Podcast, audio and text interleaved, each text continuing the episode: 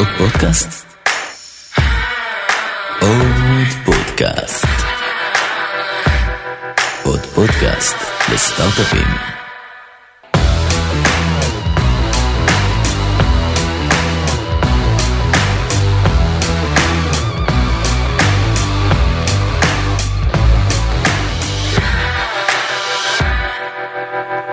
אהלן, טוב, אז אני גיא קצוביץ' ואני שותף בפיוז'ן, אה, הארגון שבעצם בנה את ה master class הזה על איך לגייס כסף, ואנחנו נעשה סשן מיוחד שבעיניי הוא חשוב מאוד על איך משקיעים חושבים ומה יזמים רוצים, או במילים קצת יותר פשוטות, איך קרנות הון סיכון עובדות וחושבות, ואיך נראה מאחורי הקלעים של משקיעי הון סיכון ומה האינטרסים שפועלים על המשקיעים האלה ולמה חשוב להבין אותם.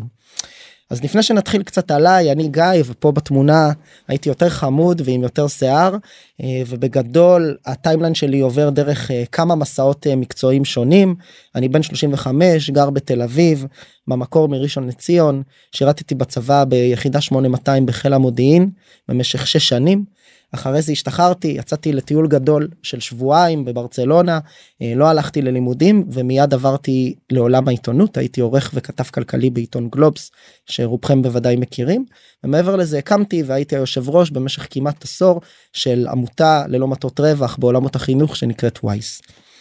סיימתי את הקדנציה שלי בגלובס ולאחר מכן עברתי במעבר חד לעולם היזמות קריירה שאותה אני ממשיך עד היום ניהלתי תוכנית שנקראת תוכנית היזמות של 8200 זה בעצם אקסלרטור שמלווה יזמים ופועל מטעם ארגון הגג של בוגרי 8200 הארגון האזרחי שמלווה את כל הבוגרים אחרי שחרורם. ו... תחת הכובע הזה בעצם זכיתי והיה לי הכבוד לקחת בחלק בצוות ההקמה של לא מעט פרויקטים שכוללים אה, שילוב של אוכלוסיות שסובלות מתת ייצוג בהייטק הישראלי. אה, בין היתר 8200 אימפקט שמטפל ביזמים חברתיים טכנולוגיים הייבריד שפועל במגזר הערבי ומקדם יזמים ערבים דרוזים ובדואים ועוזר לשילובם בהייטק ובעולמות הסטארט-אפ אתגר הפאי אה, שזה בעצם איזושהי יוזמה חינוכית. ש...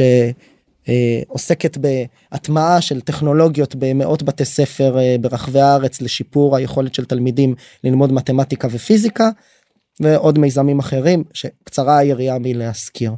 אה, סיימתי את תפקידי ב-8200 והלכתי ועשיתי את הדבר המטומטם ביותר ויצאתי לעצמאות.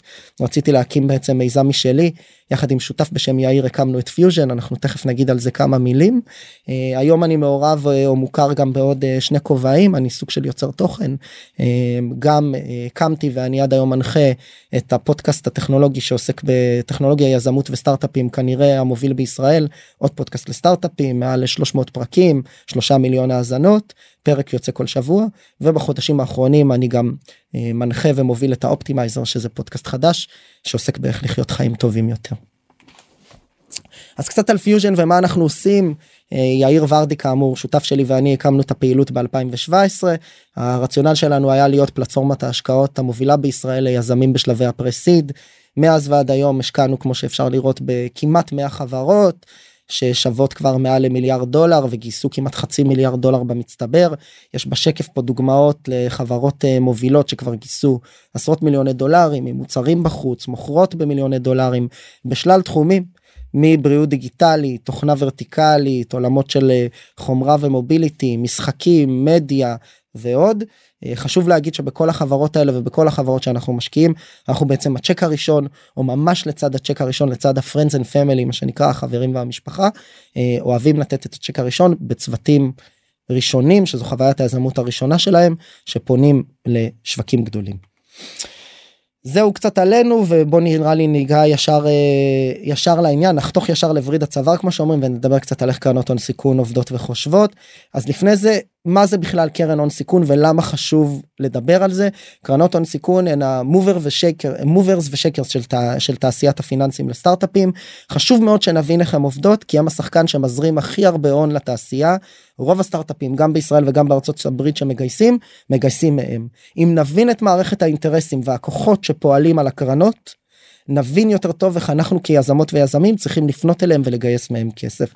ויש פה כמה דוגמאות בשקף לוגוים של קרנות. הסיפור אצל קרנות זה שאו בכלל משקיעי הון סיכון זה שהתפיסה שלנו עליהם היא די שטחית. אנחנו חושבים שזה גופים שמנהלים הרבה מאוד כסף. יש בלינקדאין או באתר של הקרן איזשהו בן אדם הוא בדרך כלל שותף או עם טייטל אחר שאנחנו מניחים שהוא מנהל במרכאות הרבה מאוד כסף אז אנחנו נבוא אליהם נעשה פיץ' שהם יבינו וככה נגייס מהם כסף. אבל הסיפור שאנחנו לא באמת יודעים איך זה עובד לא ברמת התהליך וגם לא ברמת האינטרסים שפועלים מאחורי הקרנות ולכן מאוד מאוד חשוב לעשות איזשהו בריף על איך הדבר הזה נראה. אז אנחנו נעשה פה שקף אחד שכן חשוב לי לדבר על הסטרקצ'ר של קרנות הון סיכון ומי שלא רואה את השקף אני קצת אסביר בגדול מה שחשוב להבין זה שהיזמים או המנהלים או השותפים של קרנות הון סיכון הם בעצם כמו יזמי סטארט-אפ. רק שבמקום סטארט-אפ הם הקימו מיזם פיננסי הם הלכו בדיוק כמו יזם למשקיעים אחרים תכף נדבר על מי הם עשו להם פיץ' עם מצגת ואמרו תביאו לנו את הכסף שלכם ואנחנו נדע להשקיע אותו יותר טוב ממנהלי כספים או השקע, אלטרנטיבות השקעה אחרות שאתם מכירים. יש לנו ייחודיות בוורטיקל או בשלב או באופן שבו אנחנו פועלים או בטרק רקורד לא משנה מה הבידול שלנו הם עושים איזשהו פיץ' ומגייסים כסף. אז אותם שותפים בקרנות בוא נקרא להם מעכשיו managing partners או gps general partners הולכים לאותם משקיעים בוא נקרא להם מעכשיו lps או limited partners ועושים להם פיץ'. ומגייסים את הכסף לקרן הזו שהיא ישות משפטית שהיא שותפות מוגבלת. לכל מי שלא עורך דין פה לא חשוב להבין כרגע מה זה שותפות מוגבלת ואת כל הניואנסים רק תכירו שקרן הון סיכון היא ישות משפטית והיא בעצם שותפות בין אותם gp השותפים בקרן שהלכו ועשו פיץ' לכסף וה-LPs המשקיעים ששמו את הכסף הזה. הכסף הזה נכנס לאותה קרן ואחרי זה אותם GPs אותם שותפים בקרן פורסים אותו למעשה משקיעים אותו בנכסים. הנכסים האלה הם חברות סטארט-אפ חברה א' חברה ב' חברה ג' חברה ד' וכיוצא בזו השותפים יש להם discretion יש להם בעצם יכולת להחליט לאן הכסף הזה הולך ומשקיעים אותו באיזה חברות סטארט-אפ שהם רוצים בהתאם כמובן ל pitch שהם עשו למשקיעים שלהם. המודל העסקי נורא ברור השותפים ה-GPs שגייסו את הכסף מה-LPs מגייסים אותו לוקחים לעצמם איזשהו חלקיק מהכסף הזה בדמי ניהול הם צריכים לשלם לעצמם משכורות והוצאות ומשקיעים את הכסף בחברות סטארט-אפ. המודל העסקי עיקרו בא לידי ביטוי בחלוקה לאחר מכן. היה וגייסנו 10 שקלים לקחנו מזה קצת דמי ניהול נגיד 2 שקלים תכף נדבר על איך זה עובד ואחרי זה החזרנו באקזיטים או באירועי הנפקה בגלל שהשקענו בסטארט-אפים מאוד מוצלחים 30 שקלים.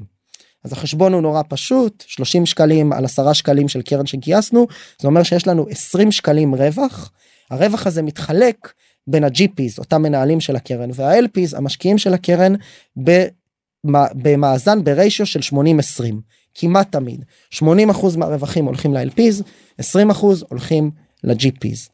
אז בגדול על כל 10 שקלים רווח שאני עושה 8 שקלים אני מחזיר חזרה למשקיעים שלי ו-20 ו2 שקלים אני לוקח לעצמי או לש... לכל השותפים בקרן.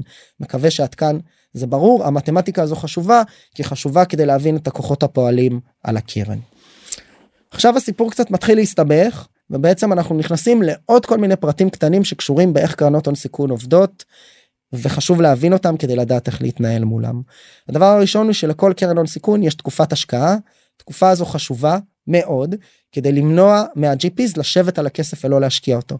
אנחנו בעצם רוצים שהם ישקיעו אותו כמה שיותר מהר כדי להשיג תשואה תאורטית על הכסף כמה שיותר מהר או במילים אחרות יש הבדל בין לעשות פי 2 על כסף שקיבלתי בשנתיים לבין פי, לעשות פי 2 ב-20 שנה.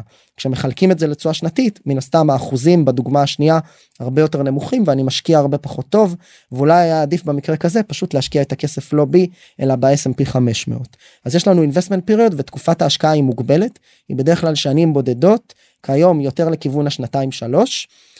חשוב מאוד להבין את זה כי כשאנחנו יזמים או יזמות ורואים בעיתון כתבה על איזה קרן שגויסה או רואים מישהו שרשום לו בלינקדאין שהוא שותף בקרן X ואנחנו פונים אליו שווה מאוד לבדוק מתי הקרן האחרונה שהוא ניהל גויסה והאם אכן הוא בתוך האינבסטמנט פיריוד ויכול לפרוס כסף בהשקעות חדשות ולא שומר את עיקר או את רוב הכסף להשקעות קיימות אנחנו תכף נדבר גם על זה. הדבר הנוסף שיש לכל קרן או לכל GPs השותפים בקרן זה מנדט. מנדט זה לא מה שאזרחי מדינת ישראל מקבלים מהממשלה ולהפך זה לא מה שממשלת ישראל מקבלת מאזרחיה סליחה. אה, מנדט זה בעצם מה שה-GPs מחפשים. כשהם עשו pitch לאותם משקיעים הם באו עם מצגת ועם איזושהי הנחיה לגבי מה יאפשר להם לראות את העסקאות הכי טובות ולהחזיר את הכסף הכי מהר בצורה הכי טובה למשקיעים שלהם המנדט הוא חלק מזה. רוצה לומר שווה לנו מאוד כיזמים להבין מה המנדט של אותם שותפים בקרן אל מול המשקיעים שלהם. אם אני קרן ורטיקלית בעולמות הסייבר וה deep tech ואני יזמת או יזם שעושה חברה בתחום המדיה והמשחקים אין לי סיבה לפנות לאותה קרן לקרן אין מנדט להשקיע בי וגם אם יש סעיף תת סעיף בתוך ההסכם מול המשקיעים שהיה והעולם קרס וכל מה שנשאר בעולם זה חברות גיימינג אז אני אוכל להשקיע בהם כנראה שאני אצטרך הזדמנות מרהיבה יוצאת דופן ושונה במיוחד כדי לסטות מהדרך הזו בדרך כלל אני אעדיף יזמים עם טרק רקורד מנצח ורצוי גם עם traction שהוא בלתי משתמע לשתי פנים ברוב המקרים כשאנחנו באים לגייס מקרן זה לא המצב ולכן חשוב מאוד לדעת את זה.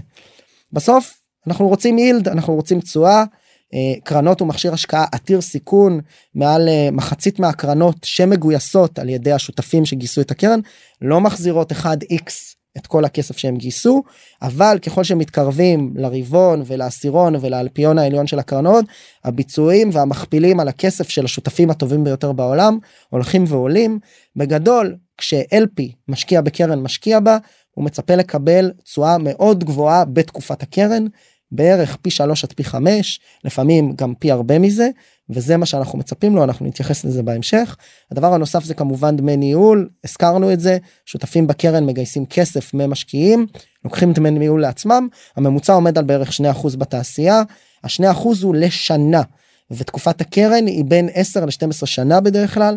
המשמעות היא שעל קרן של 10 שקלים שותפים ייקחו 2 שקלים דמי ניהול לאורך תקופת הקרן זה כמעט 20 אחוז מכל ההון שהם גייסו. לפעמים זה יורד לפעמים זה עולה אבל זה בגדול הבנצ'מרק. למה? כדי לשלם לעצמם משכורות משרדים הוצאות לבנות אופרציה ולהשתמש באופרציה הזו כדי להגיע לעסקאות הטובות ביותר. אז בוא נעשה קצת את המתמטיקה ונדבר על זה שיש לנו פה קרן של 100 מיליון דולר אנחנו עוברים קצת למספרים אמיתיים כמה שותפים גייסו אותה הם לוקחים לעצמם 20 מיליון דולר בדמי ניהול הרי אמרנו 2% לשנה במשך 10 שנים גרוסו מודו ואז נשאר להם 40 עד 80 מיליון דולר להשקעות בפורטפוליו בחברות סטארט-אפ. למה אני אומר 40 עד 80 מיליון דולר ולא 80? כי הרבה פעמים מנהלי קרנות אוהבים להשקיע רק חלק מהכסף ואת היתרה לשמור להשקעות המשך מה שנקרא follow on investment. זה נובע מחוק law של VCs החוק שחוק המספרים שבא ואומר שרק חלק קטן מאוד מהפורטפוליו יצליח ואנחנו רוצים לשים עוד כסף בחברות המנצחות שלנו כדי להגדיל או לשמר את ההחזקות שלנו באחוזים בחברות האלה ברגע שיש אקזיט. אז בגדול בין 40 ל-80 מיליון דולר הושקעו ב-10 עד 20 חברות ובוא נניח שאנחנו שותפים מאוד טובים עשינו משא ומתן לקחנו בכל חברה שהשקענו בה 20 אחוז במניות וגם שימרנו את שיעור ההחזקות הזה לאורך חיי החברה עד שחלקם עשו אקזיט אם הם בכלל עשו כן לא כל החברות עשו אקזיט בערך 94 אחוז מהחברות שגייסו seed ייכשלו בסופו של דבר לגייס מקרן לא מבטיח את ההצלחה של החברה אז למה נצפה. המספר הזה הוא 1.5 מיליארד דולר ומשמעותו וזה מספר די מהמם אני רוצה שנשב עליו הוא סך האקזיטים המצרפי שאותם שותפים בקרן של 100 מיליון דולר צריכים שהפורטפוליו שלהם יעשה כדי להחזיר פי שלוש על הקרן. אני חוזר ואסביר יש לנו קרן של 100 מיליון דולר רצינו להחזיר 300 מיליון דולר לפחות 3x זה יחשב כביצוע ראוי לנו כמנהלים השקענו את ה-100 מיליון דולר חלקו ב-20 חברות היה לנו 20 אחוז בערך בכל חברה זה הכל היפותזות שאנחנו מקבלים לצורך הדיון ושימרנו גם את שיעור ההחזקות הזה לאורך חיי החברה אחרי שהם גייסו עוד ועוד ועוד. חלק מהחברות עשו אקזיטים אנחנו רוצים לקחת כסף הביתה כדי להחזיר פי שלוש שזה 300 מיליון דולר אנחנו צריכים 1.5 מיליארד דולר באקזיטים והנפקות. כי 20 אחוז מ-1.5 זה 300 מיליון דולר וזה שוב בהנחה שהשקענו בחברות שבכלל עשו אקזיט והנפקה רוב הסיכויים שלא נעשה את זה. בהנחה והם עשו אקזיטים והנפקות בגדלים מאוד גדולים ובהנחה ובמעמד האקזיט והנפקה היה לנו 20% בכל חברה. ההנחות האלה כמו שאתם יכולים להניח לרוב לא מתקיימות במציאות וגם אם היו מתקיימות אנחנו בבעיה ותכף ניגע בזה. והנה אחת הבעיות הראשונות אחת הבעיות הראשונות שהקרנות שאנחנו מתעסקים איתם בישראל כיזמות ויזמים הם לא קרנות של 100 מיליון דולר הם קרנות של מעל לכך אנחנו נתנו פה כמה דוגמאות אנחנו יכולים לראות פה את קרן ורטקס שגייסה לאחרונה שתי קרנות חדשות כל אחת של כמעט 200 מיליון דולר אז פתאום סך האקזיטים המצרפי שאני מצפה לו הוא שלושה מיליארד דולר בפורטפוליו שלי שוב בהנחה והיה לי אקזיטים ובהנחה והחזרתי שיעור מכובד של 20% במהלך האקזיט. קרן NFX של גיגי לוי חבר ואוהב להתארח בפודקאסט שלי גייסה 450 מיליון דולר קרן ה seed הגדולה בישראל בזמנו גם הייתה הגדולה בעולם. אז שוב אתם יכולים לדמיין לעצמכם את סך האירועי ההנזלה המצרפי שקרן כזו מצפה לה וויולה מגייסת 250 מיליון דולר יש עוד קרנות כאלה. אנחנו עוברים לקרנות יותר גדולות הקרנות הגלובליות שנמצאות פה בארץ. אינסייט פרטנרס שלאחרונה גייסה 20 מיליארד דולר להשקעה בחברות תוכנה. באטרי מגייסת 3.8 מיליארד דולר. בסמר מגייסת כמעט 4 מיליארד דולר. כל הגופים האלה הם קרנות או גופי מה שנקרא קרנות crossover שמשקיעות גם בשוק הציבורי וגם בשוק הפרטי מנהלות מיליארדי דולרים ומצפות לפיכך לאירועי הנזלה של עשרות ואפילו מאות מיליוני דולרים. מהחברות שמחזירות לאותן קרנות את המכפילים על הקרן שלהם? אז בארץ אינסייט פרטנרס השקיע בחברות כמו מאנדיי וויקס וכמובן כשמדברים על הקרנות הגלובליות אנחנו מדברים על החברות שכולנו מכירים ואוהבים מסיליקון וואלי גוגל ופייסבוק ו Airbnb ודרופבוקס וכדומה. הבעיה ממשיכה ורק כדי להמחיש אותה גם כשאנחנו מדברים על האקזיטים או אירועי הנזלה הכי משמעותיים בישראל באחרונה אני שם בצד uh, מגה עסקאות כמו מובילאיי שאגב לא גייסה מקרנות הון סיכון אלא רק ממשקיעים פרטיים אז אנחנו נמצאים בבעיה. נתתי פה שתי דוגמאות על גוגל שקנתה את וייז ב-1.03 מיליארד דולר ואינסייט שרכשה את ארמיס ב-1.1 מיליארד דולר. גם כאן עסקאות ענק אנחנו לא רואים הרבה כאלה בשנה וגם שם תניחו שאם יש לי קרן של 100 או 200 מיליון דולר בהנחה והייתי המשקיע הראשון בחברות האלה אני צריך לשמר את החזקותיי וגם אז לא בטוח שעשיתי פי 2 או פי 3 או פי 4 על הכסף פשוט בגלל שלא הגענו ל-1.5 מיליארד דולר המובטחים שאנחנו צריכים להגיע אליהם ועוד לא דיברנו על כל מיני ניואנסים קטנים בעולם המשפט והליגליז של עולם ההשקעות של האם יש לי פרפרנס ביציאה מהעסקה ואני מקבל את הכסף שלי קודם או שאולי דווקא המשקיעים בסיבוב הבא בדרך כלל זה יהיה המשקיעים בסיבוב הבא לפעמים יש להם מכפיל מסוים על הכסף אז אולי אני מקבל פחות ממה שהייתי אמור לקבל אנחנו לא ניכנס לניואנסים האלה אנחנו רק אומרים שהסיפור פה הנחה שיש לי עסקה פליי ונילה 1.1 מיליארד דולר ששולמה באופן יחסי לכל בעלי המניות גם אז אם השקעתי ויש לי 20 אחוז לא עשיתי פי שלוש על הקרן שלי ואני לא אני מנהל טוב אבל אני לא מנהל מצוין. והסיפור הזה מאוד חשוב כי חשוב להבין שמשקיעי הון סיכון בעצם לא מסתכלים על השקפים שלנו במצגת או רק על איכות הפיץ שלנו אלא הם מסתכלים על הביזנס מהזווית הזו של חברה שתהיה מאני מייקר עבורם.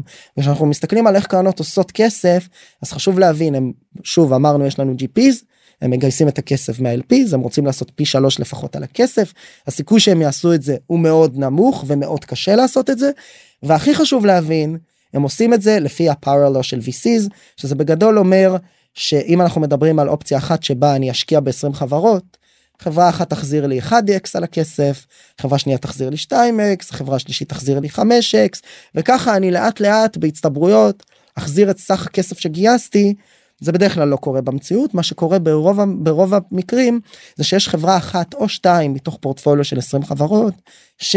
בעצם מחזירות לי את כל הקרן או קצת בסטטיסטיקה פחות מחמישה עד שבעה אחוז מפורטפוליו נתון של קרן מחזיר מעל ל-80 אחוז כמעט 90 אחוז מה-returns בסדר? והנתונים מראים את זה זה לא גיא אומר ולכן חשוב פה להבין שאנחנו כיזמים לא רק צריכים לשבת עם הפיץ שלנו על כל הנקודות ולתקור את כל הנקודות אלא גם צריכים באמת לשדר בתוך התהליך שאנחנו נהיה החברה הזו שתחזיר למשקיע שלנו את הקרן. אז אנחנו כבר יודעים שמשקיע רואה מאות או לצורך העניין פה בדוגמה 100 חברות בתקופה אה, הוא ישקיע בחלקן רק בודדות יחזירו את הכסף רובן ייסגרו חלק קטן מהם יחזירו את ההשקעה שהשקענו בה וממש בודדים על כל 100 200 השקעות יעשו מכפיל משמעותי של 40 100 200 אלף על הכסף והם יהיו המאני מייקר שלנו. והסיפור שאנחנו כיזמים ויזמות צריכים לדעת לתאר את התופעה הזו ולספר למשקיעים שלנו סיפור על שוק מספיק גדול הזדמנות מספיק משמעותית מוצר ואסטרטגיית go to market מספיק חזקים כדי לגרום להם לדמיין שאנחנו נהיה החברה שתחזיר להם מכפיל של עשרות ומאות על הכסף ולא מכפיל בודד או מכפיל של פי 2 פי 3 על ההשקעה שלהם. זה קצת נתונים שהם מופיעים פה בשקף למי שרואה על portfolio construction והחזרים בגדול זה באמת אומר שמעל ל-70% מהפורטפוליו מחזיר את רוב התשואה של קרנות ההון סיכון וה power law עובד. ובגדול נראה לי שרק כדי לסכם את הפורמט אחרי שהבנו את זה משקיעי הון סיכון לא שואלים את עצמם האם השקף של השוק שלכם טוב או לא טוב ואיך הצגתם את ה TAM SOM SAM שלכם אלא האם אתם תהיו היזם או היזמת שישנו להם את הקריירה כי יש להם קרן של 100 או 200 מיליון דולר הם צריכים להחזיר לפחות מיליארד וחצי עד שלושה מיליארד דולר באירועי הנזלה בהנחה ויש אירועי הנזלה בהנחה והם מחזיקים 20% שם כדי להיות מנהלים טובים. כנראה שרק חברה אחת או שתיים מתוך הפורטפוליו שלהם יעשו החזרים משמעותיים כאלה והם שואלים את עצמם בזמן שהם יושבים איתכם ואתם עסוקים בפיץ' ובתוכנית העסקית ובכדומה האם אתם תהיו החברה הזו? או במילים אחרות לסיכום האם אתם תשנו את הקריירה של המשקיע שלכם ותאפשרו לו לעשות קרן טובה שתאפשר לו אגב גם לגייס קרנות נוספות ולהאריך את תקופת ההשקעה שלו ולהיות בשוק עוד זמן כדי למצוא עוד הזדמנויות חדשות לאותה קרן ושם למצוא את היוניקורן הבא שלו. אז אני מקווה שקצת הבהרתי פה את מערכת האינטרסים ואת איך קרנות עובדות וחושבות חשוב מאוד להבין את זה כי הפרספקטיבה של משקיע היא פרספקטיבה אחרת מהפרספקטיבה של יזם שמחפש בדרך כלל פיץ' טוב ו-to tick the box. וזהו מקווה שנהנתם אשמח מאוד לפידבקים. שתהיה האזנה נעימה.